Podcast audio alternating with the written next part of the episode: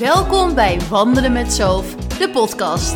Ik ben Sophie Meurs, orthomoleculair diëtist en ik heb mijn eigen praktijk in Amsterdam. Nourish to Flourish. In deze praktijk hoop ik mensen bewuster te maken van gezonde voeding, waarbij het ook gezond is om zo nu en dan iets minder met je voeding bezig te zijn. Door structuur aan te bieden, hoop ik dat mensen kunnen loslaten.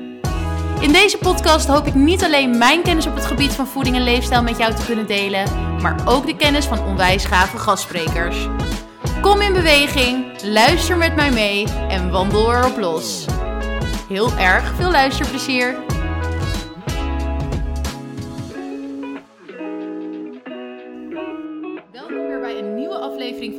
Met Zoof, de podcast. Super leuk dat jullie weer luisteren en ik heb uiteraard weer een hele leuke gast tegenover mij zitten. Het is Stefan Hogeveen, eigenaar van Oliver Green. En als jullie mijn podcast vaker hebben geluisterd, dan weten jullie dat ik heel erg liefhebber ben van Oliver Green. En voornamelijk van de gerechten en de smoothies. Uh, ook de koffietjes vind ik heerlijk. Dus uh, nou ja, Oliver Green is een, uh, is, is een soort van ankerpunt in mijn week. Maar vandaag heb ik de eigenaar van Oliver Green tegenover mij zitten. Hij is ook crossfitter, sporter. En ik ben gewoon heel erg benieuwd wat die drijfveer achter Oliver Green is. Dus welkom Stefan. Dankjewel. Ja, leuk dat ik er mag zijn. Ja, ja, want hoe is dat dan voor jou eigenlijk gekomen? Want jij bent altijd al geïnteresseerd in sport geweest, voeding. Kan je dat even uitleggen? Uh, zeker, ja. Ik heb eigenlijk altijd al wel uh, actief gesport. Vanaf mijn zestiende of zo ben ik, uh, heb ik judo gedaan. Nee, trouwens, vanaf veel jonger. Vanaf mm -hmm. toen ik 7, 6, 7 was, heb ik judo gedaan. Karate, daarna op hoog niveau. Um, en in het Nederlands team gezeten een tijdje. En toen ik wat ouder werd, in de jaren 16, ben ik gaan fitnessen. En nou ja, goed, en dan wil je er ook op een bepaalde manier uitzien. En dan, dan kom je erachter dat eten eigenlijk heel belangrijk is. Ja. Um, dat was dus voornamelijk uh, grote bakken kwark, eiwitshakes, uh, broccoli, heel veel kip. Um, en dat soort dingen heb ik best wel lang gedaan. Tot aan, denk ik, uh, een jaar of 24, 25. Mm -hmm. um, en toen ben ik gaan, gaan crossfitten. Oh, ja. En toen kwam ik er ook achter dat gezondheid steeds belangrijker is. Dus niet alleen maar heel groot zijn, maar ook flexibel, uh, mobiliteit. En um, toen kwam ik in aanraking met, uh, ik zie hem hier op liggen volgens mij, Sapiens. Sapiens, ja, daar staat hij Ja. Um, die las ik toen. En ik had al een keertje eerder geëxperimenteerd met, uh, met een vegan dieet. Een maandje was dat toen destijds. Green Happiness, die hadden zo'n boek. En ik dacht, ja, dat is allemaal een beetje bullshit. Maar um, Uiteindelijk. Ik ga, het, ik ga het een maand proberen. Nou, dat was helemaal verwaterd. En op een gegeven moment toen uh, las ik dat boek. En toen dacht ik, hé, hey, oh ja, dat, dat, uh, hoe wij met dieren omgaan. Ja, um, meer dat bewustzijn ook. Ja, dat, dat is ja. eigenlijk toch, uh, toch iets wat me wel weer aan het denken zet om het alsnog een keer te proberen. Ja. Ik moet zeggen dat, dat dat hele ding van het zielig voor de dieren en slecht voor het milieu nu een beetje weg naar de achtergrond is ge geappt, maar voornamelijk nu gaat het om gezondheid. Ja. dus ik denk dat je met een plantaardig dieet, het hoeft natuurlijk niet volledig plantaardig te zijn, uh, maar als dat je basis is, dat dat een, gewoon een, eigenlijk een heel gezond, een goed dieet kan zijn. Uh, en dat merkte ik ook heel erg met het sporten. Dus ik deed uh, naar crossfit soms wel twee keer per dag. Wauw. vijf, zes dagen in de week om heel fanatiek. Jeetje. Um, en eigenlijk merkte ik dat ik door juist dat, dat vlees niet meer te eten en, en veel meer plantaardig ging eten. Dat die belasting wat meer van je lichaam ja, afkwam. Ja, en dat ik ook wat, wat sneller herstelde. Ik had altijd ja. wel last van mijn maag. dat is denk ik voornamelijk door zuivel. Uh, nee, dat eet je natuurlijk ook niet meer, dus dat ging weg. Uh, ik kon eigenlijk nooit een dag zonder heel veel buikpijn. Dus dat ging door dat, uh, door dat vegan dieet ging dat wel aardig, wel aardig weg. En denk je ook dat je daar een beetje de, ja, dat dat een beetje de start was ook van jouw darmklachten? In de zin van je vertelde dat je heel erg in die sportwereld zat. Veel eiwitten, kwark, ja. bakken, kilo's. Ja. Gingen er doorheen. En um, ja, je zei van daarna ging die focus voor mij veel meer liggen op gezondheid. En wat is dan die omslag daar geweest? Um, nou ja, goed. Met, met CrossFit had ik sowieso een beetje het idee dat het veel minder ging om hoe je eruit ziet. En, en um, veel meer om wat je kunt. Mm -hmm. um, ja, dus dan betekent het ook dat je hele andere dingen moet eten. Dus dat je in plaats van heel veel eiwit, wat uh, bij veel bodybuilding... Wat meer koolhydraten ook. Wat meer koolhydraten ja. misschien moet gaan eten. En ik was altijd wel heel erg geïnteresseerd in hoe dat dan precies zat. Dus ik wist tot op de gram uh, hoeveel uh, gram eiwit ik nodig had. Nou ja, voor bodybuilder ja. dieet zeggen ze altijd 2 gram per kilo. Ja. Um, en dan uh, 2,2 zelfs nog. Dus dan eet je op een dag nou, soms al 240, 250 gram eiwit. Jeetje. Heel weinig vet. en best wel veel koolhydraten. En als je dan droog gaat trainen, moet je juist de koolhydraten schrappen. En dan blijft alleen maar eiwit en, en relatief weinig vet over. Ehm, eigenlijk werd ik nooit heel droog en voelde ik me nooit heel goed. En uh, toen met dat crossfit, nou, je bent natuurlijk veel intens, intensiever bezig. Ja, uh, dus ook meer op uithoudingsvermogen. Ja, ja. En, en, soms ook wel heel uh, korte, korte sprintjes. Die best wel veel van je vragen. Dus je moet op een hele andere manier gaan eten. Nou ja, dat kwam eigenlijk een beetje samen toen ik dat boek las. En toen ik veel crossfit deed, toen dacht ik, hé, hey, ik voel me hier eigenlijk wel goed bij. Ja. En wat voor verschil merkte je dan? Want ik kan me voorstellen bijvoorbeeld als de eiwitvertering niet goed gaat en je eet veel eiwitten, dat je er heel erg maagklachten van kan krijgen. Of inderdaad een opgeblazen gevoel van die eierscheetjes. Ja. Wat veranderde op het moment dat jij dus wat anders ging eten op het, bij CrossFit? Um, Lichamelijk meer? Of fysiek of mentaal wel? Nou, uh, ik kon wat meer eten en ik toen nog wel wat droger worden. Dus ik viel best wel wat af. Ik had, uh, voordat ik met CrossFit begon, had ik echt enorme grote biceps. Oh, uh, ja. nou, je ziet nu nog steeds wel oké, okay, maar dat was echt twee, twee keer zo groot. En, mensen in de sportschool zeiden ook altijd, ja, ik weet niet wat je doet, maar blijkbaar groeide dat heel snel. En dat kwam natuurlijk ook omdat daar echt de focus op lag. Dus het was gewoon de focus om zo groot mogelijk en zo gespierd mogelijk te worden. Um, maar ik had dus wel altijd last van en van mijn maag. En ik herstelde niet altijd even snel. Ik was niet soepel, niet flexibel. Um, nou ja, toen ik dus dat een beetje begon te veranderen, dus ik ging steeds meer groente eten. Ik was nooit echt een hele grote groentefan ja. of zo. Um, er zit ook geen eiwitten in. Nee, er zit ook weinig eiwitten in. En uh, je kan natuurlijk wel bonen eten, maar er is ook wel hoge koolhydraten. Ja. En is ook ja, dus echt die focus op die eiwitten, eiwitten, eiwitten. Ja, dat was ja. eigenlijk een beetje wat, uh, waardoor ik me denk ik heel slecht voelde. Ja. Dat kan natuurlijk ook te maken hebben, dat weet jij waarschijnlijk beter, mm. met intoleranties voor Zeker. misschien wel, wat is het? ja, voor melkproducten. Melkeiwitten ja. of caseïne of dat soort ja, dingen. Ja, dat, ja, en dat zie ik ook vaak hè, hier in de praktijk, dat mensen juist wanneer ze heel veel van één product eten, of dat heel eenzijdig is, of een heel eenzijdig voedingspatroon, dat er daardoor ook voedselintoleranties in de hand gewerkt worden. Want die darm, die wordt daar elke dag mee belast. Want die heeft juist al die verschillende soorten voedingsmiddelen nodig, al die verschillende soorten voedingsstoffen. Ja. Dus, dus dat, dat ging eigenlijk als eerste eh, redelijk weg, dus die, maagklachten. Um, dus nou, ik dacht, nou weet je, en ik herstelde heel snel. Dus die twee dingen, die, die zorgden eigenlijk voor dat ik dacht, nou, ik kan dit wel goed volhouden. Uh, plus dat boek dat ik las, plus dat er een jongen bij was in de sportschool en, en een meisje die uh, allebei super hoog crossfit doen. Uh, nummer 1, ja. allebei van Nederland en die waren het op een volledig vegan dieet. dus ik dacht, weet je, voor, om, om echt goed te presteren heb ik dit blijkbaar dus niet, niet nodig. nodig.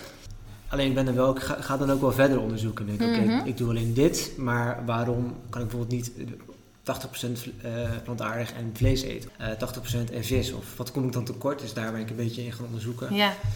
Um, ja. Ben je volledig vegan gegaan toen? Of is ja. dat een soort van stapsgewijs? Hoe is, dat, uh, hoe is die overgang geweest? Ja, het is wel grappig. We deden, denk ik, vier jaar geleden, toen ik net dat boek had gelezen, toen wilde ik per se gewoon proberen, oké, okay, hoe is het dan? Ja, um, cold turkey, let's ja, go. Uh, en uh, dat werkt, ja. Ik ben best wel gedisciplineerd, dus dat werkte wel vrij makkelijk. Ik kon dat gewoon zeggen, oké, okay, ik doe dit niet meer. Um, dus ja, dat, dat was in principe niet super moeilijk. Want je kunt natuurlijk gewoon uh, ja, kip vervangen door vegan kipstukjes. Ja. Uh, kwark vervangen door soja uh, yoghurt. Ja. Um, dat is niet per se een veel beter dieet, maar het is in ieder geval wel 100% vegan. Ja, en dat was in die zin, dat stond eerst voorop. Dus dat vegan eten, plantaardig, maakt even niet uit wat dat dan is, maar dat ja, gaan het was gewoon, Ik wilde het gewoon heel graag proberen om te kijken wat het effect was. Je had toen ook volgens mij net die Game Changers documentaire die net uitkwam. Nee, dat was, dat, dat was trouwens wel een heel stuk erna ja. wel. Um, ja, ik vond, was gewoon heel erg benieuwd wat het zou doen en of ik me dan echt beter zou voelen. Um, we hadden het er net over, voordat het begon al eventjes over dat ik van die experimentjes doe. Ja. Dus dit was er, uh, dit, was, dit is eigenlijk eentje van. Daar gaan we zo nog even verder op door welke experimenten daarna ja. nog kwamen. En uh, ja, ik wilde dat gewoon, ik wilde gewoon weten hoe ik me dan zou voelen als ik 100% vegan ja. uh, zou eten. En ben je toen ook meer groente gaan eten? Want je zei dat je eerst daarvoor ja. nog niet echt uh, veel groente had. In het begin eigenlijk niet. Dat, wel, dat mijn avondmaaltijden waren, waren gewoon wokgroenten. Zo'n zak van de Albert Heijn met, met, met vegan kipstukjes. Overdag, wat was het, soja yoghurt met mango of zo.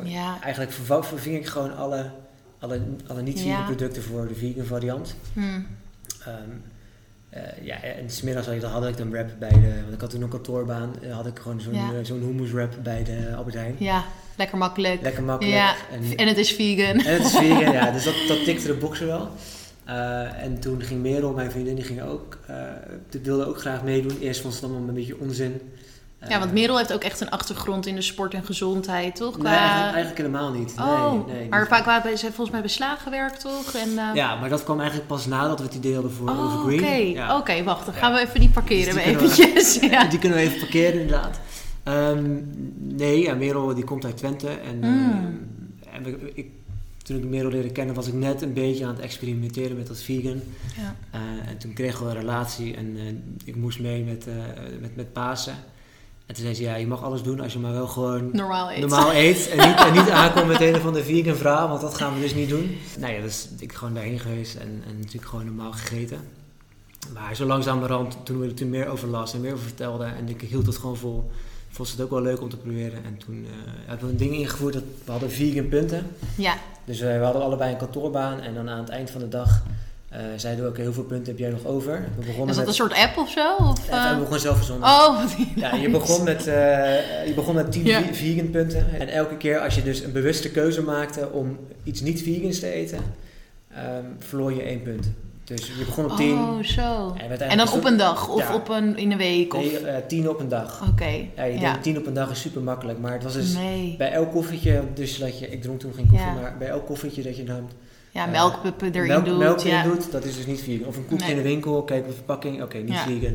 Ehm, Ja.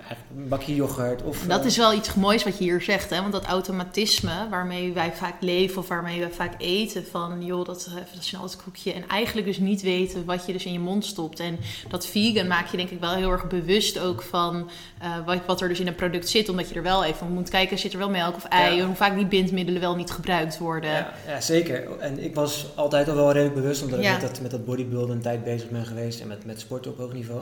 Alleen voor Merel was het best wel een ding, omdat ze elke keer op het pakje keek. Dacht, oh ja, shit. Nou, natuurlijk, los van dat er dan melk in zit, Ja. zitten er ook nog allemaal andere zooien die Ja. je vaak niet eens kent. Of, of je kan bijna geen enkel product eten, denk ik, wat in de supermarkt is. Nee, ja, Eh, dat is wel echt een opgave inderdaad. En dat, eh, dat, dat, dat is een hele moeilijke. En ik probeer dat ook hier altijd in de praktijk. Bijvoorbeeld wanneer mensen voedselintoleranties hebben. Die vinden dat best wel overweldigend. Bijvoorbeeld als ze een eh, intolerantie voor ei. Nou, ei wordt echt, behalve dat je niet gewoon een eitje eet. Maar gewoon in producten zit het zo vaak toegevoegd. En dan geef ik ook gewoon altijd het advies van, joh, ga kijk eerst even wat je in je koelkast hebt zitten, wat ei bevat. En haal dat in ieder geval eruit en vervang het dan voor iets anders. Dus Ja. bijvoorbeeld eh baba ganoush van Matza, wat in de Albert Heijn wordt verkocht, daar zit ei in. Maar koop je het bij de Ecoplaza een aubergine spread, Ja, dan zit er geen ei in. Dus dan kan je dat wel eten. ja, ja, ik denk dat sowieso dat het altijd goed is om te kijken op, op de pakjes en de zakjes wat er allemaal in zit. Niet Eh, ik, snap natuurlijk dat je niet alles zelf kan maken. Dat Nee. deed ik ook nooit eh, toen ik een kantoorbaan had. Ik, eh, ja, ik had gewoon altijd eigenlijk wat kant-en-klaar Ja. bij de A2Go lag. Ja. Ehm, en een tijdje heb ik nog wel een beetje meal prep gedaan. Hm. Eh, maar het ging in die zin voornamelijk om dat ehm, je elke keer bewust bent als je dus iets nam dat niet vegan was. Omdat we ook een beetje op dat milieu en, en de dieren zaten.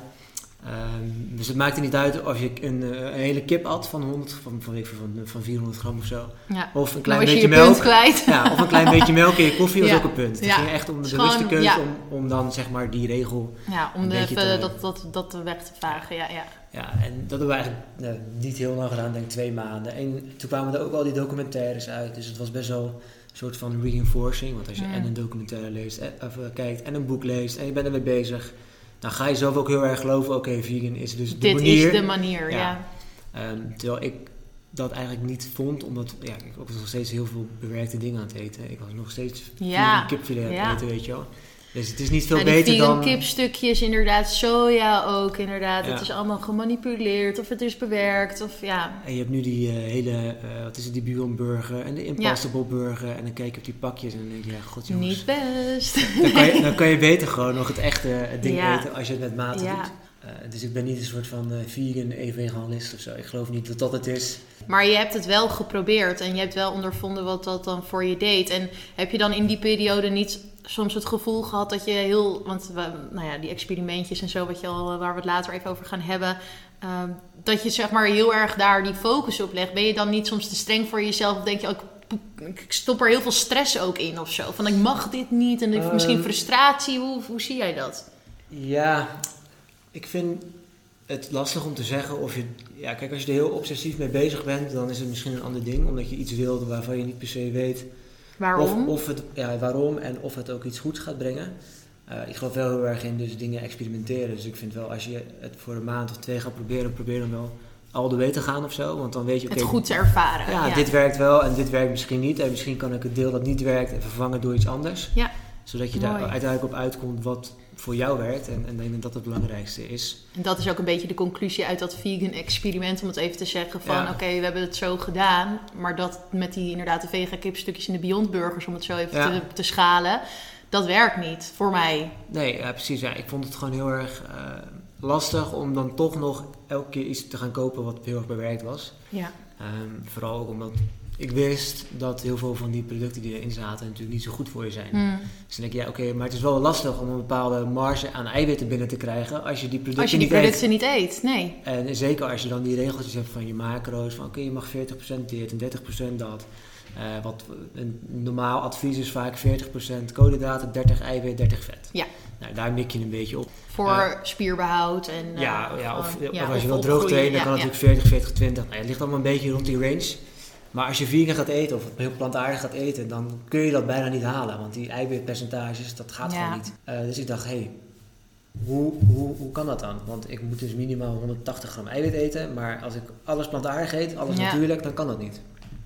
Dus zou ik dat wel nodig hebben, die producten. Nee, goed, dan doe je een beetje onderzoek en dan blijkt ja, die adviezen zijn voor mensen die body willen worden of die mensen, voor mensen die aan de anabolen zitten. En dus er zijn hele groepen jongens, denk ik, nou ja, van 25 tot 30, misschien van 20 tot 30, die heel veel eiwit eten, terwijl ze nooit die resultaten gaan halen, andere mensen ook halen, omdat het gewoon niet uh, ja, nee, het is, niet, realistisch. nee, het is, het is niet realistisch. Plus ze weten ook letterlijk niet wat het fysiologisch met je doet. Dus wat doen die eiwitten? Hoe worden die verteerd? De nieren kunnen het bijvoorbeeld heel zwaar krijgen als we veel te veel eiwitten binnenkrijgen. Um, nou, ga zo maar door. Dus dat, en dat zie je ook wel vaak bij. Uh, om het even zo te zeggen, sporters, dat als zij heel veel eiwitten eten, het moet je huid, dat is een, een soort van uitlaatklep, al die toxines en alles, dat moet, dat moet eruit. Dus je krijgt vaak pukkeltjes of acne of uh, nou ja, wat ik zei al, de rotte eierscheetjes. Um, dus dat is zeg maar, ja, dat is de andere kant weer van het verhaaltje. Van je kan wel inderdaad op die macro's en alles, maar je gezondheid, waar, waar, waar is die dan, zeg maar? Wat is daar... Uh... Zeker, ja. Ik denk, en, en je hebt natuurlijk die hele goedkope whey shakes. Ja. Nou ja, dat is dus vol met hormonen en dat soort dingen. Ja, plus als je een caseïne-intolerantie hebt, dus dat melkeiwit niet kan verdragen ja. ja, wat ben je dan aan het doen? Precies, dus die, die, eh, die whey shakes die gingen eruit. Dat werden uh, plantaardige shakes. En dan nam ik altijd twee, drie plantaardige shakes per dag om toch nog maar aan die eiwitten te komen. Maar ja, goed, dat merkte toch, die hoeveelheid eiwitten, dat is toch wel zo'n zwaar, zware belasting op je systeem. Mm ja, dus mondjesmaat eigenlijk, hoe meer ik ben gaan lezen, hoe meer ik me erin ben gaan verdiepen, eigenlijk steeds natuurlijker, steeds natuurlijker gaan eten. Steeds meer onbewerkt. Dus die soja dingetjes die gingen weg en het werd normale tofu en tempeh. Um, en soja yoghurt en dat soort dingen eet ik eigenlijk ook nooit meer. Dus dat is nu chia pudding of het is soms havermout. Maar um, ja, dus zo ben ik eigenlijk, zijn wij... Is wel iets minder eiwitten misschien? Of ja, ja, een stuk ehm, minder. Ja, ik track het nu eigenlijk niet meer. Nee, wat meer op gevoel. Wat meer op gevoel. Ja, ik eet gewoon wat ik wil eten, wat we ja. overgreen hebben meestal. Ja, ja. lekker.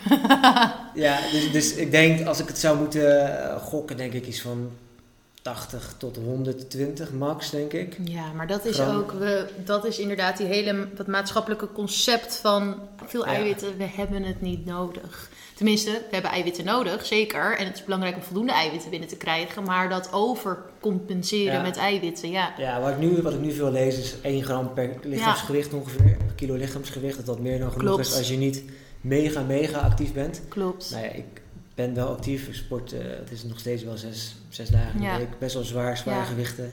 Ja, het is inderdaad 0,8 gram tot 1 gram per kilo lichaamsgewicht. Dus weeg je inderdaad 70 uh, kilo, dan is het 70 gram, more or less bij een, uh, als je sporter bent, eet je veganistisch, vegetarisch, dan is het tussen de 1,2 en 1,4 inderdaad. Dus dan zit je alweer iets hoger.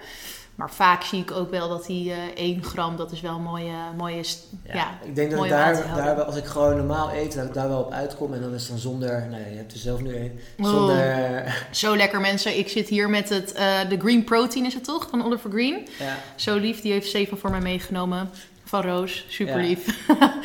maar die zit ik hier lekker te drinken. Maar daar zit, daar zit er lekker veel eiwitten in, inderdaad. Ja, dat is het. Wat is het? één scoop uh, mm -hmm. vegan eiwit. Het is plantaardig eiwit van erwten. Zo lekker. En eh spirulina heeft natuurlijk iets aan eiwit. En Ja. hennepzaad heeft natuurlijk iets eiwit. Ja. Eh, dus ja, als je, ik denk als je genoeg zaden en, en noten en pitten eet, dat je er wel redelijk Ja, daarop uitkomt. Met één zo'n shake, dus nog een keer 30 gram extra. Ja, ja en ik zie, eh, nou, ik zie het ook op je bord staan, dus een verhaaltje over suiker en insuline. Eh, daar raakte ik toen wel meer in geïnteresseerd, want ja, je, als vegan neem je Ja. toch best wel veel fruit als je gewoon helemaal onbewerkt eet. Mhm. Ehm, veel fruit en veel groenten. En toen ben ik een beetje gaan kijken, oké, dat, dat paleo verhaal, dat is dus echt helemaal onbewerkt. Dus Ja. dat is meer plantaardig Zeg paleo, meer zeg, maar. oerdieet inderdaad. Ja, een ja. beetje vegan paleo mix. Dat is wat ik nu heb, denk ik. Hm. Eh, behalve dat je bij paleo natuurlijk eh, nog wel veel fruit en veel, ja, heel veel fruit mag eten. Ehm, En dus- daar ben jij uiteindelijk een beetje van afgestapt. Ja, ik was wel gewoon benieuwd wat dat dan doet met je, met je insulineniveau. Ja, want we gaan nu door naar het volgende Ja. experiment. Ik kwam een keer in Oliver Green en toen had jij zo'n plaatje op je arm, toch? Ja, Zat dat- toch hier? Ja, zo'n diabetes Ja, eh, ja, eh, zo'n sticker. eh, zo'n stickertje. En toen was jij in het volgende experiment gestapt. Vertel. Ja, nee, ja, goed. ik was gewoon heel erg nieuwsgierig. Ik, ik las veel over, over insuline. En wat Ja. dat dus doet. En, en altijd het hoog niveau van insuline, dat dat Ja. gewoon niet goed is. En voor En je- insuline is inderdaad het hormoon dat wordt eh, afgegeven wanneer wij suikers in ons lichaam hebben. Om die suikers naar de cellen te brengen. Ja. Ja, ja, precies. Dus ik las in een boek, heet Lifespan, ehm, van David Sinclair, zat volgens Mhm. mij. En eh, daar ging het er voornamelijk over hoe kan je zo gezond oud mogelijk worden. Eigenlijk hoe kun je zo oud mogelijk worden. Nou ja, hij heeft dan een, eh, een paar dingen. Dat is dus eh, dat je stress moet, eh hormetic stress. Ja. Dus dat is bijvoorbeeld koude therapie en dat soort dingen. Ehm, daar heeft hij het dan over. En dat je hoog intensief moet sporten. Dus dat zijn Mhm. hittrainingen. Nou, dat deed ik eigenlijk allemaal al wel. Eh, maar ook best wel een groot onderdeel was het dus het reguleren van je bloedsuikerspiegel. Dus dat je dat altijd op een soort van gebalanceerd eh, niveau hebt en dat je geen Dus niet pieken die krijgt. hoge pieken, nee. En uiteindelijk doet hij daar een heel onderzoek met muizen en komt er dus uit. Nee, goed, je kunt het dus ook door middel van een tabletje, van een pilletje kun je het ook heel goed reguleren. Oh, wauw. Ehm, Wat dat, voor een pilletje of ja, tabletje is dat zijn eigenlijk statines. Dus mensen Oh, die, ja. die het al hebben, Ja, Ehm, ja, dat, dat schrijft hij dan voor. ja. Eh, maar hij zegt, ja, je kan het dus ook gewoon zelf doen. Dus door weinig eh, Ja. dingen te eten die hoog in suiker zijn. Dat is eigenlijk veel beter, want Ja. daarmee los je dat hele probleem als het ware op. Want Ja, als je zeker. met pilletjes, dan kan je inderdaad wel suikers en alles gaan eten, maar dan moet je een pilletje hebben om het allemaal... Ja, eigenlijk, eigenlijk zijn het gewoon soort van carblokkers Ja. of insulineblokkers. Ja, ja. Eh, dus die zorgen ervoor dat je nog steeds wel redelijk gevoelig blijft voor insuline. Eh, want dat is natuurlijk wat er gebeurt als je heel veel suiker eet. Dat Ja. je er niet meer gevoelig voor wordt en eigenlijk resistent. Ja. Ja, en dan krijgen jouw cellen eigenlijk het seintje dat er geen suiker in die cellen zit, maar dat zit wel in je lichaam. Dus je wil alleen maar meer suiker eten, want die moet naar die cellen toe, maar dat gaat dus niet lukken. Dus dat is een beetje waardoor dat ook in stand wordt gehouden. Ja, dus ik was Ja. heel nieuwsgierig. Oké, ik doe nu best wel een onbewerkt dieet. Ik, eh, Ja. De grootste uitstapjes die ik deed waren denk ik eh, koffie met havermelk. Mm. Eh, Want je had verder ook niet veel suikers dan op dat moment, al minder fruit, of was dat wel, Ehm, wel nog veel fruit? Ja, wel redelijk veel fruit, veel bananen. Mhm. Ik denk misschien wel drie, vier bananen, Mhm. vijf bananen op een dag soms, doordat ik zoveel Zo. sportte. Ja, gewoon omdat het makkelijk was en ik wilde Ja. onbewerkt eten. Dus ik was benieuwd, oké, wat, wat doet dat dan? Ehm, en juist door dat plaatje kon je heel goed zien, oké, wat, wat doet dus een Had je dan een soort app of zo waar je dat Ja, het is van eh, Libre Freestyle heet het volgens mij. Mhm.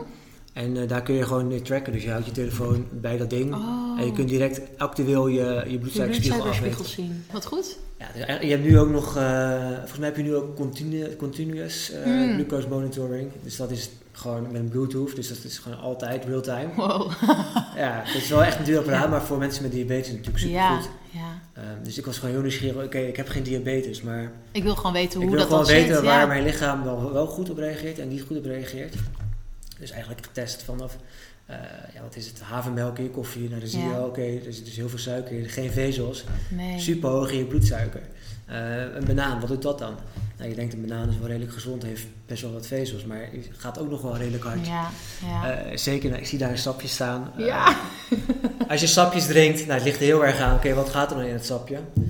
Ja. Is, het, is het alleen maar ananas? Fruitsapje of is het een groentesapje Ja, precies. Ja. We hebben het er een keer eerder over gehad, waarom we niet die... eh, Die sappenkuren. Niet, ja, eh, waar ik daar niet zo'n fan van ben, dat is dus mede daarom. Omdat ja, die bloedsuikerspiegel echt op kan fokken daarmee, sorry. ja, ja. Ik heb bijvoorbeeld bij, als je bij Joe in the Juice zo'n sapje haalt, zo'n wortelappelsapje, is hartstikke lekker, maar het is echt niet gezond. Heb je dat getest met die... eh, Nee, niet met die. oh. Was, toen heb ik eentje van de Juice Brothers getest, maar Oh. hetzelfde, eigenlijk dezelfde inhoud. Maar wat, wat deed dat met je? Wat, wat zag je op die binnen, binnen 20 minuten zie je gewoon dat het echt, echt, echt bo- heel, heel, Ja. heel, heel, heel erg out of range is. Ja. Omdat je in één keer, nou, eh, wat is zo'n sapje, 400 milliliter. Met ongeveer 40 gram, 45 gram suiker. Ja, ja, Ja, ja. dat, dat Ja, kan dat zet niet. echt aan. Hè? Ja, want zoals bijvoorbeeld, ik ben wel dan in de zin veel meer fan van smoothies. Als je er ook nog goed op koud of het rustig drinkt. Omdat je er dan ook nog vaak vetten en eiwitten tegenover zet. Dat stabiliseert ook weer die bloedsuikerspiegel. Ehm, ja, en je kan het heel extreem doen. Dus ik heb toen op basis daarvan ben ik ook een tijdje keto gaan eten. Ja, Ehm, wel vegan keto, dus dat maakt het iets lastiger denk ik. Maar wel leuk om, ja. om een soort van te testen, oké, wat doet dat wel met je? Nou ja, en dan kun je je bloed prikken en dan kun je je aantal eh, millimol ketonen in je bloed meten natuurlijk. En dan kun je zien, oké, ik ga nu in ketose, dat duurt dan twee, drie dagen. Ehm, En ketose, wat betekent dat? Want Misschien kan jij dat Ehm, heel leuk uitleggen aan de mensen ja, die luisteren. Eigenlijk betekent het zoveel, je hebt eh, verschillende energiesystemen natuurlijk. Je normaal lichaam draait eh, voornamelijk op koolhydraten, zeker als je veel koolhydraten eet. Dus dan is dat de primaire brandstof, Ja, brandstof van je lichaam. Ehm, als je laag intensief, in- intensief beweegt, zou het normaal gesproken vet moeten zijn, maar dat is ook niet Ja. altijd het geval. Het is eigenlijk Nee. altijd een mix tussen, Ja, vet en koolhydraten. ja, tussen vetten en koolhydraten. En je lichaam kan dus ook heel goed op alleen vetten functioneren. En dat zijn dan niet de vetten die je eet, maar je, lichaam zet dan die vetten die je eet om in ketonen, Ja. die, eh, ja, die je hersenen ook kunnen gebruiken als brandstof. Ja, ja. Eh, en die ketonen zijn eigenlijk een, een effectievere, of eh, ze noemen het een soort van vergelijkend met benzine en diesel of, of Ja. jet fuel. Precies. Een, Ehm, een langdurigere Een langdurige brand, ja. eh, brandstof, eh, waardoor, je, waardoor je ook geen, eh, nee, eigenlijk geen ko- koolhydraten nodig hebt. Dus Nee. van wat ik begrijp kan een lichaam prima functioneren zonder koolhydraten. Omdat je dus zelf eh, die ketonen kunt aanmaken. En altijd ook iets van koolhydraten vrij kunt maken waarop je eh, dus functioneert. Ehm, dus op basis van die data die met die tracker op mijn op mijn arm dacht ik, nou ik ga dat ook eens proberen. En eh, toen... Dus van het ene experiment Ja, van het ene andere. ging, ging in het andere. gaat altijd zo Ja, snel. en hè? toen, eh, ja, door, door, de, door, die, door die data van, van dat plakketje kwam ik dus ook achter, bananen zijn eigenlijk helemaal niet zo goed. Dus Ja. toen noemde ik ze altijd diabetes eh, staven. Ja. Dat is zeg maar, de, nickname voor een, eh, voor een banaan was dan de diabetesstaaf. Ja. En heb je dan ook wel eens een banaan geprobeerd met een handje noten erbij bijvoorbeeld? Eh, ja, ik heb dat heb ik niet per se, per se getest, maar gewoon in Nee. smoothies of dat soort dingen. Precies. Ja. Ehm, ik weet wel inderdaad, als je het combineert met dingen, dan, Ja. dan eh, met, met het keto-dieet gebruik je veel MCT-olie. Ja. Eh, als je dat erin doet, dan heeft het effect ook minder. Ja. Ehm, en omdat je dan ook altijd ketonen aan het verbranden bent, want dat wordt heel snel omgezet. Ehm, dus zodoende ben ik eigenlijk toen een beetje in dat keto-dieet eh, gedoken. En heb ik dat denk ik drie maanden gedaan of zo. Zo. Ja, En hoe was dat? En het was dan nog steeds plantaardig? ja het was wel plantaardig, dus ik had nog steeds geen, Geen vlees? geen vlees. Ja. Eh, af en toe een uitstapje met een eitje of zo, dat deed ik wel, omdat het niet super, super strikt was daarin. Geen Ehm, vegan punten meer. Nee, geen vegan punten meer. Nee, dat was, ik, ik denk nee, als je dat- het zo'n lange tijd doet, wordt het een soort van de Ja. basis. Weet je? Dan Ja, dat wil je ook niet. 80% of nee, het is eigenlijk de standaardkeuze is vegan. Ja, En dan bedenk je, oké, wil ik iets anders? Ja. Dan neem ik dat. Eigenlijk dat vlees. loslaten is ook belangrijk, hè? Ja. ja, en vlees bijna nooit.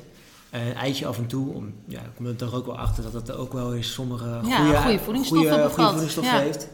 En dan, eh, ik ben wel veel bewuster geworden doordat ik dat vegan eh, e- e- dieet heb gehad.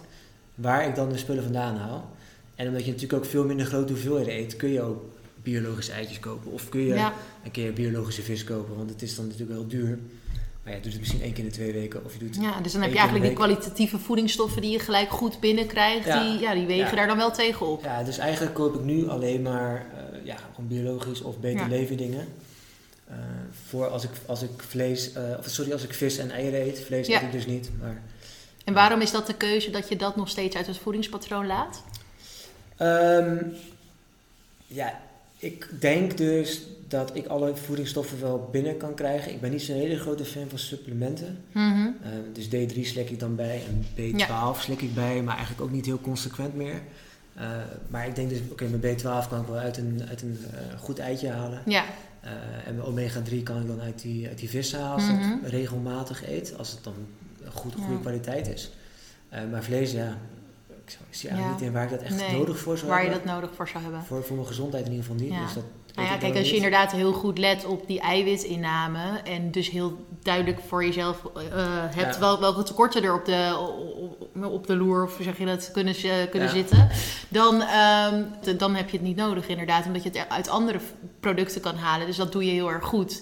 Maar ik zie dat ook wel heel vaak eh, mensen die eigenlijk niet zo heel erg goed weten wat ze dan binnenkrijgen. En dus inderdaad vegan, oké, al het vlees eruit. Ja. Alleen maar groenten, alleen maar fruit, pulvruchten en dan de vleesvervangers inderdaad. Ja, dan kom je gewoon wel echt stoffen tekort. Ja, ik denk, ik denk inderdaad dat je niet per se moet kijken naar een dieet of, of zo. Want je kunt elk dieet, eh, denk ik, goed doen en niet zo goed. Eh, ja, we hebben het net natuurlijk al gehad over, over dat vegan. Ja, je, kunt, je kunt vegan eten met alleen maar vleesvervangers. Dan Ja. eet je nog steeds vegan, vegan mayonaise, vegan burger. eh, ja, weet ik veel wat nou je tegenwoordig allemaal hebt. Ja, Eh, of je kunt heel erg onbewerkt vegan eten. En ik denk dat dat met een, Ja. eh, ja, een omnivore dieet ook kan. ja Eh, je zeker. kan alleen maar troep eten, maar je kunt het ook heel gezond doen. ja. Uh, dus ik geloof niet zozeer uh, welk dieet je kiest, maar meer hoe- welke voedingsstof of welke producten je dan daarvoor kiest of hoe je het doet. Als dat, ehm, ja, en dan terugkomend op dat, op dat keto-verhaal. Ehm, ja, je merkt dus doordat ik dan uh, steeds meer in ketose raakte, dus steeds minder koolhydraten nodig had voor mijn energievoorraad. dat ik eigenlijk ook achterkwam, oké, ik heb dus niet zoveel koolhydraten nodig en eigenlijk heeft dat niet zo'n heel goed effect op mijn lichaam. Dus ik ben heel veel fruit gaan schrappen. Ehm, dus geen hoge, eh, hoge suikerfruit meer, weinig bananen. Eh, eigenlijk geen. eh, de me- meeste fruit dat ik eet zijn blauwe bessen, aardbeien, frambozen, Ja, bramen, rood fruit, ja, antioxidanten. besjes. Ja, besjes en af en toe eh, peer. ja. Een klein beetje. Appels eigenlijk ook niet heel veel. Dus de Ehm, smoothies die ik nu aan het uh, Ja, nee, eh, drinken ben, die, zijn- die doe jij niet meer. nee ja, weinig eigenlijk. Ja, dan soms, soms na het sporten wel. Maar dat is lekker, hè? Gewoon even een, maar dat heb, heb jij dat niet? Dat je dan na het sporten ook echt voelt dat je die koolhydraten weer echt even aan moet vullen? Ja, je merkt natuurlijk vooral dat je een pomp krijgt in je spieren. Ja. Ehm, omdat, je, omdat je, je, vult die glycogeenvoorraad aan. Mhm. En dat zet, zorgt ervoor dat je spieren gaan uitzetten. Eh, het is wel een fijn gevoel, maar ik weet niet of het echt noodzakelijk is. Nee, maar ik merk wel dat, en dat daar eh, begeleid ik hier in de praktijk vaak ook mensen mee, van dat dat lichaam ook echt wel aangeeft wat het nodig heeft. En als je daar echt heel bewust naartoe gaat, dan merk je dat soort dingen dus gewoon. Ik heb niet altijd na het sporten dat ik meteen denk, oh, ik moet echt even koolhydraten. Maar ik heb toevallig gisteren echt vet hard getraind bij eh, Melissa van Vibes. Dankjewel, ik heb nu al spierpijn. Maar eh, toen merkte ik echt, toen ik thuis kwam, al meteen van... Oh Ja. mijn god, ik wil nu een sapje of Ja. iets met, eh, met koolhydraten en eiwitten. Dat kan ook een beetje conditionering zijn natuurlijk. Ja, maar ik heb dat dus niet altijd. Ik heb dat dus wel Ja. gewoon echt, dat voel ik wel gewoon echt aan van oké, nu moet ik echt eventjes wat nemen. Want ik Ja. merk dat ik anders of in mijn stress ook doorga of dat mijn lichaam gewoon echt, dat er te veel van me gevraagd wordt. Ja. Ja, dat, dat merkte ik dus met dat, met dat keto-ding wel heel erg. Dat je lichaam toch wel meer kan dan... En het ligt er heel erg aan wat je eet, wat Ja, je lichaam dan ook aangeeft. Toen je dus in, ketose was, dan... Nee, kent natuurlijk intermittent fasting. Ja, ja. Ja, dat deed ik toen ook. Maar eigenlijk, op dat, ik had gewoon geen honger. Ik kwam gewoon tot twee uur niks eten. En Oh, maar dat honger. is zeker zo, weet je. En dat is gewoon het lichaam. Wij, wij we conditioneren het lichaam inderdaad. Eh, Of het sowieso eh, mentaal ook heel erg van eh, een koekje bij de thee, dit en dat. Ja. Weet je wel, dat het erbij hoort. Dus elke keer na het avondeten, oh ja, dan moet dat koekje met die Ja. thee komen.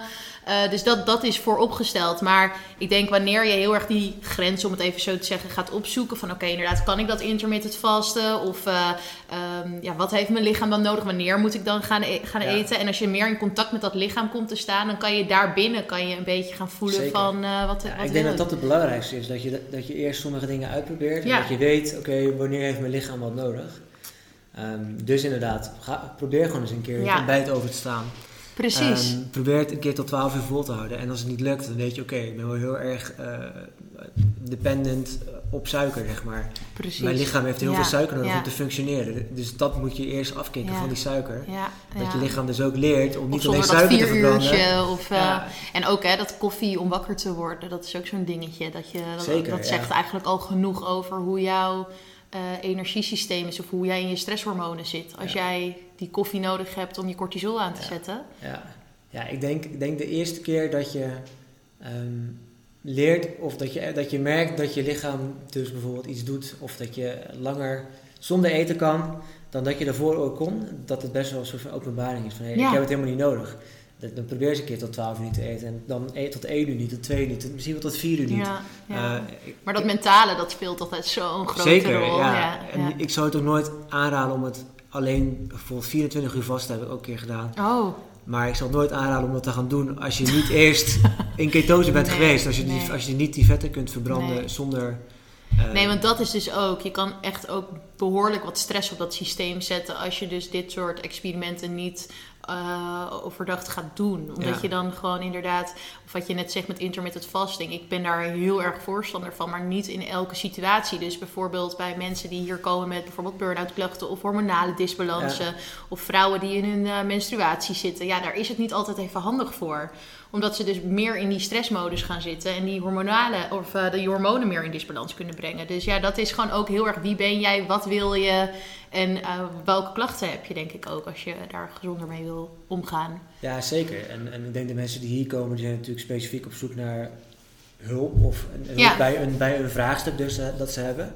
Eh, maar als je gewoon goed in je vel zit, Ja, weet je, probeer het eens een keer. Probeer, Mhm. probeer eens een keer niet om 12 uur te eten of probeer dat, dat zo lang mogelijk te rekken. ja. Je hebt zo'n appje die heet, hoe heet dat nou joh? Ehm, nou, ik kom er nog wel op. Dat is een appje. Be like Stefan, doe allemaal experimentjes en dan komt het goed. Nee, maar het is wel echt vet, want ik vind het wel heel bewonderenswaardig dat jij gewoon, je, want je zegt inderdaad, als je je gewoon gezond en goed voelt, nou, jij bent sportief, je, bent, je let goed op je voeding Ja. en je probeert toch steeds weer een nieuwe uitdaging aan te gaan. En dat is in de zin van trainen natuurlijk ook wel zo van, oh, zet weer even een nieuw doel. Dus Zeker, ja. Met mijn trainer heb je natuurlijk elke keer een nieuwe prikkel nodig om, je, om beter te worden of beter uithoudingsvermogen, grotere spieren.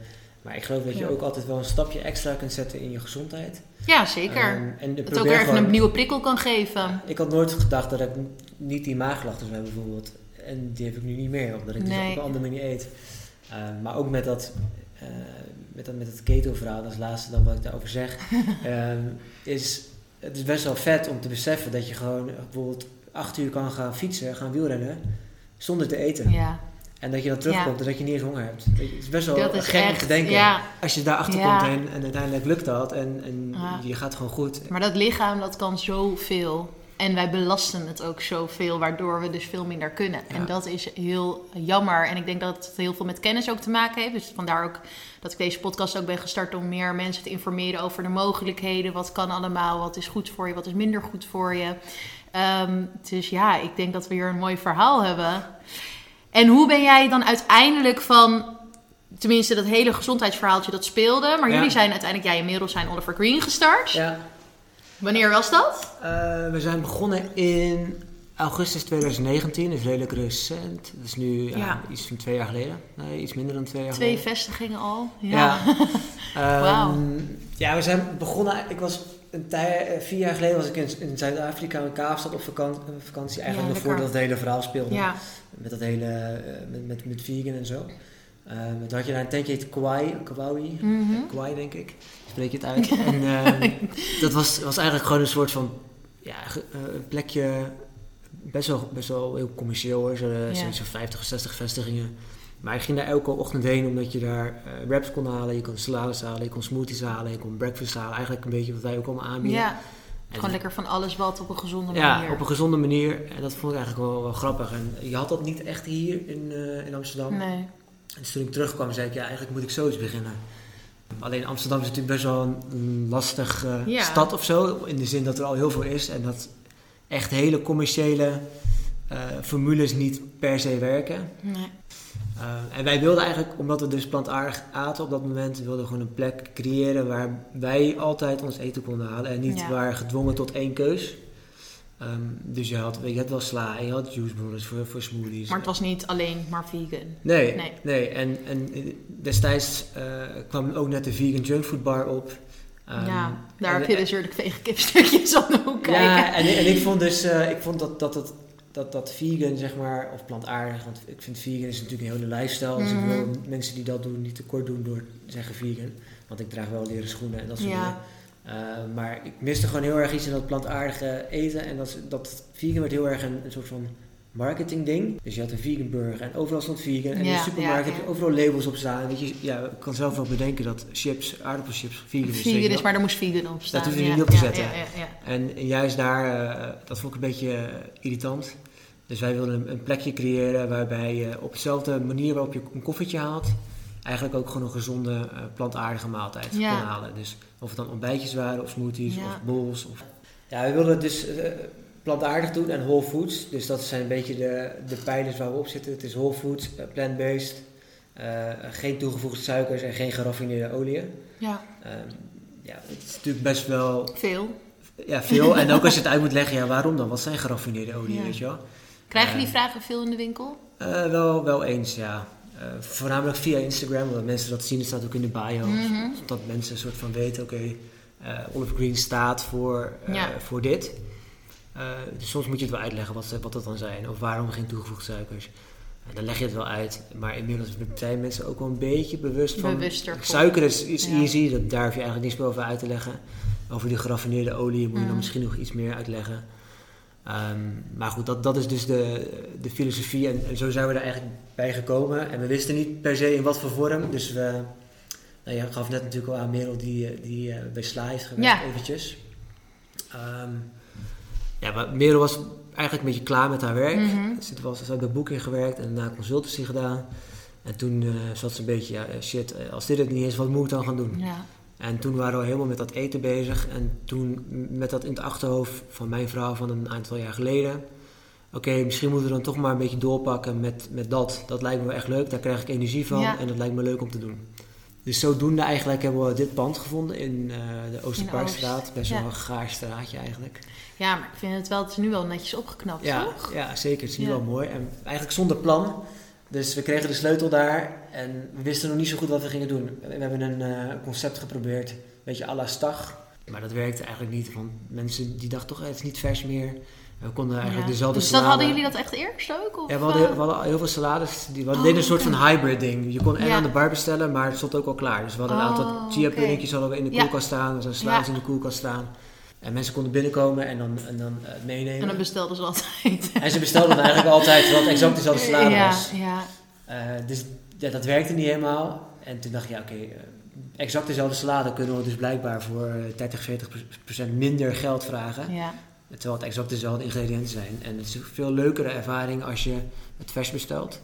Ehm, ja, dus zodoende is zij begonnen, eerste half jaar denk ik, in de eentje met twee man Oh, personeel. joh, echt? Oh. Ja, ja, dus zij is daar, eh, ja, de, gewoon de eerste maanden, eigenlijk heeft ze daar Dit- altijd gestaan. En ik had een goed. kantoorbaan, Ja. eh salesbaan, waar ik eh, niet altijd hoefde te zijn. En al, alle uren die ik vrij kon maken, was ik natuurlijk aan het helpen. Ja.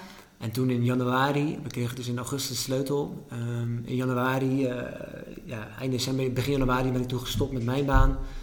En toen gewoon alles op Oliver Green, eh, super hard schalen. Oh, maar dat is voor jou denk ik ook wel een spannende periode geweest dan toch? Als je dan daar Ja. los van komt. En... Ja, het ding is, Of was het een mooie overgang ook? Ehm, ja, ik was wel klaar met dat werk, maar eh, eh, het verdiende gewoon heel goed. En ehm, het was best wel een lastige, lastige, Ja, bes- lastige beslissing. ik. dacht, ja shit, moet ik dit dan opgeven voor... Ja, om hier salades te gaan verkopen. Terwijl we deden toen misschien 400 euro omzet per dag. En toen dacht ik, ja god, dit gaat echt niks worden. Ja.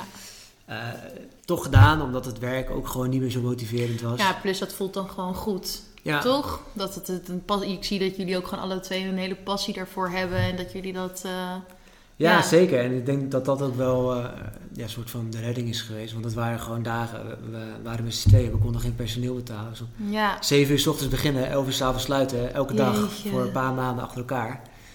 Ja, we stonden met z'n tweeën in de keuken. Nou, je bent natuurlijk een koppel, dus het is ook regelmatig ruzie maken. Eh, Maar je hebt er wel heel veel passie voor. En dat zie ik wel. En dat is wel... eh, ja, je wil gewoon dat iets, eh, Goed dat, dat iets goed gaat. En ik vind de kwaliteit van het eten en, en de smaken en, en dat mensen blij zijn en dat mensen iets kopen wat ook...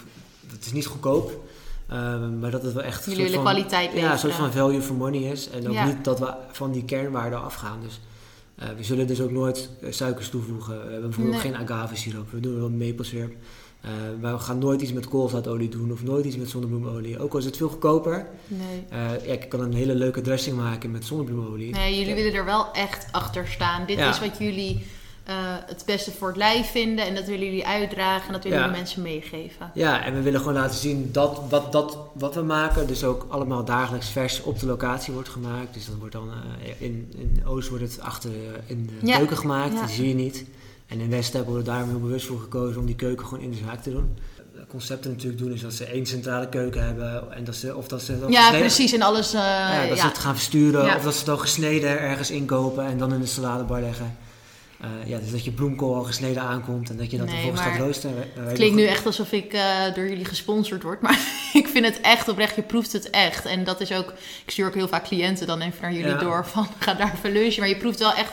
Je proeft gewoon of iets vers is. Of dat het al twee dagen ligt bijvoorbeeld. Al is het gegrild of niet. Of, eh, Ja, ja, wij, wij vinden dat heel belangrijk, het vers, vers aspect.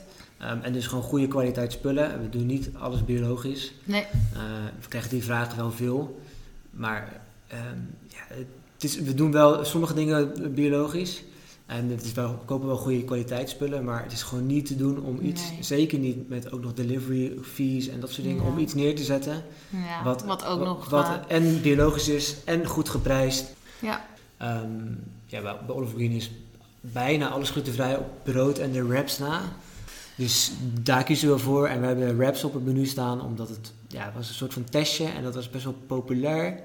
Alleen eh, dan is dat wel weer een wrap van eh, gewoon normale bloem. Ja, dus ja, die gaat, en daarin maak je keuzes. ja, daar is dan weer van, oké, willen we dat dan houden of niet? Dus we gaan die waarschijnlijk verwijderen. Voelt dat het dan ook echt zo? Van, oh, dat is niet, niet onze stijl. Dat, Ja, dat is voor mij echt heel lastig. Want eh, ja, je wil aan de ene kant iets wat commercieel aantrekkelijk is. Ja. En aan de andere kant wil je ook een soort van bij... eh, Goed voor mensen zorgen. Ja, en dan het is wel lastig. En, en als het aan mij had gelegen, had ik misschien al die dingen wel van het menu gehaald. Eh, de acai is bijna eh, is het best verkopende product, denk ik. Maar ik heb toch een soort van haat-liefde verhouding mee. Best wel een bom suiker en dan Ja. doe ik amandelboter erop en dan nog een keer granola. En zo'n bakje Ja. acai is 650 calorieën, denk je, ja. Weet je, ik, ik eet het misschien één keer in de week of zo, maximaal. En ik sport heel veel, maar er zijn waarschijnlijk mensen die niet zo bewust bij nadenken. En, Nee, eh, ja, maar het blijft, blijft lastig om dingen op de kaart te zetten die... eh, die niet goed voelen. Ja, voor jou. Ja, we hebben een keer zo'n blauwe bol gehad, weet je, een blauwe Ja. spirulina. En dan denk ik, ja, oké, het is wel leuk, een blauwe, blauwe bol, Ja. maar wat voegt het toe? Eigenlijk Ja, niks, dus we het dan doen? Nee, dat moeten we het niet doen. Dus dan is het van het menu af. Nee. Maar dat vind ik mooi. Jullie staan dus echt, echt achter jullie producten. En jullie staan echt achter de keuzes die jullie maken, die jullie mensen voorschotelen. Ja, kijk, ik denk, je, je, kan het, je kan niet iets verkopen wat, waarvan je zegt, hey, dit is goed voor je, terwijl het niet goed voor je is. Nee. Ehm, en mensen verwachten ook dat je, als je je zo presenteert zoals wij doen, dat je ook wel daadwerkelijk kennis van zaken hebt. Ja. Ehm, ja, en, en dan vind ik ook, dan moet je daar gewoon een soort van mensen soms in bescherming nemen. Ja. En dus natuurlijk niet te veel, ehm, maar wel zoveel mogelijk of zo. Ja, nou dat vind ik mooi. Alright, ik denk dat wij eh, genoeg hebben gebabbeld over het ontstaan van Oliver Green, keto, suikervrij, glutenvrij. Nou, alles hebben we wel eh, aangestipt. Ik weet niet of jij nog een leuke afsluiter hebt of denkt van of een tip voor mensen als ze gezonder willen leven. Ga Ehm, dit proberen.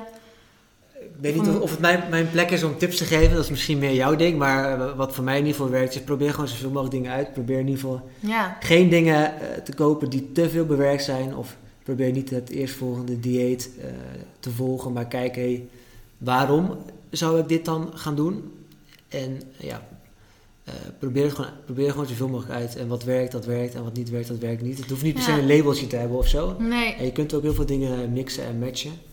Eh, Ja, precies. Dus gewoon eigenlijk doe de experimentjes en Ja. kijk wat bij jou past, hoe je erop reageert en Ja, trek daar je Het conclusies hoeft uit. niet mega extreem te zijn. Kijk, voor Nee. mij werkt het nu om, om 95% vegan te eten. Met af en toe een eitje, af en toe wat, wat vis. Ehm, en als ik een keertje een feestje heb, dan eet ik ook prima gewoon eh, Ja, pizza met kaas. Ook niet te moeilijk over. Niet te moeilijk, Nee. maar als je die basis, ja, als je die basis ja, als je hebt, die structuur hebt. Ja. Ja, mooi. En we kunnen Oliver Green volgen op @olivergreen op Instagram of Ja, at Oliver Green NL. NL. Ja. @olivergreen NL. En eh, nou, Stefan, ik wil jou heel erg bedanken voor dit gesprek. ja, jij bedankt dat Yes, zijn. super. Nou, en tot de volgende keer. Vonden jullie deze podcast ook zo leuk? Stuur dan vooral even een recensie op Apple Podcast. Dat zou ik onwijs gaaf vinden. Hebben jullie een idee voor de volgende gast? Laat ook dat even weten en stuur mij een berichtje. Onwijs bedankt voor het luisteren en tot de volgende.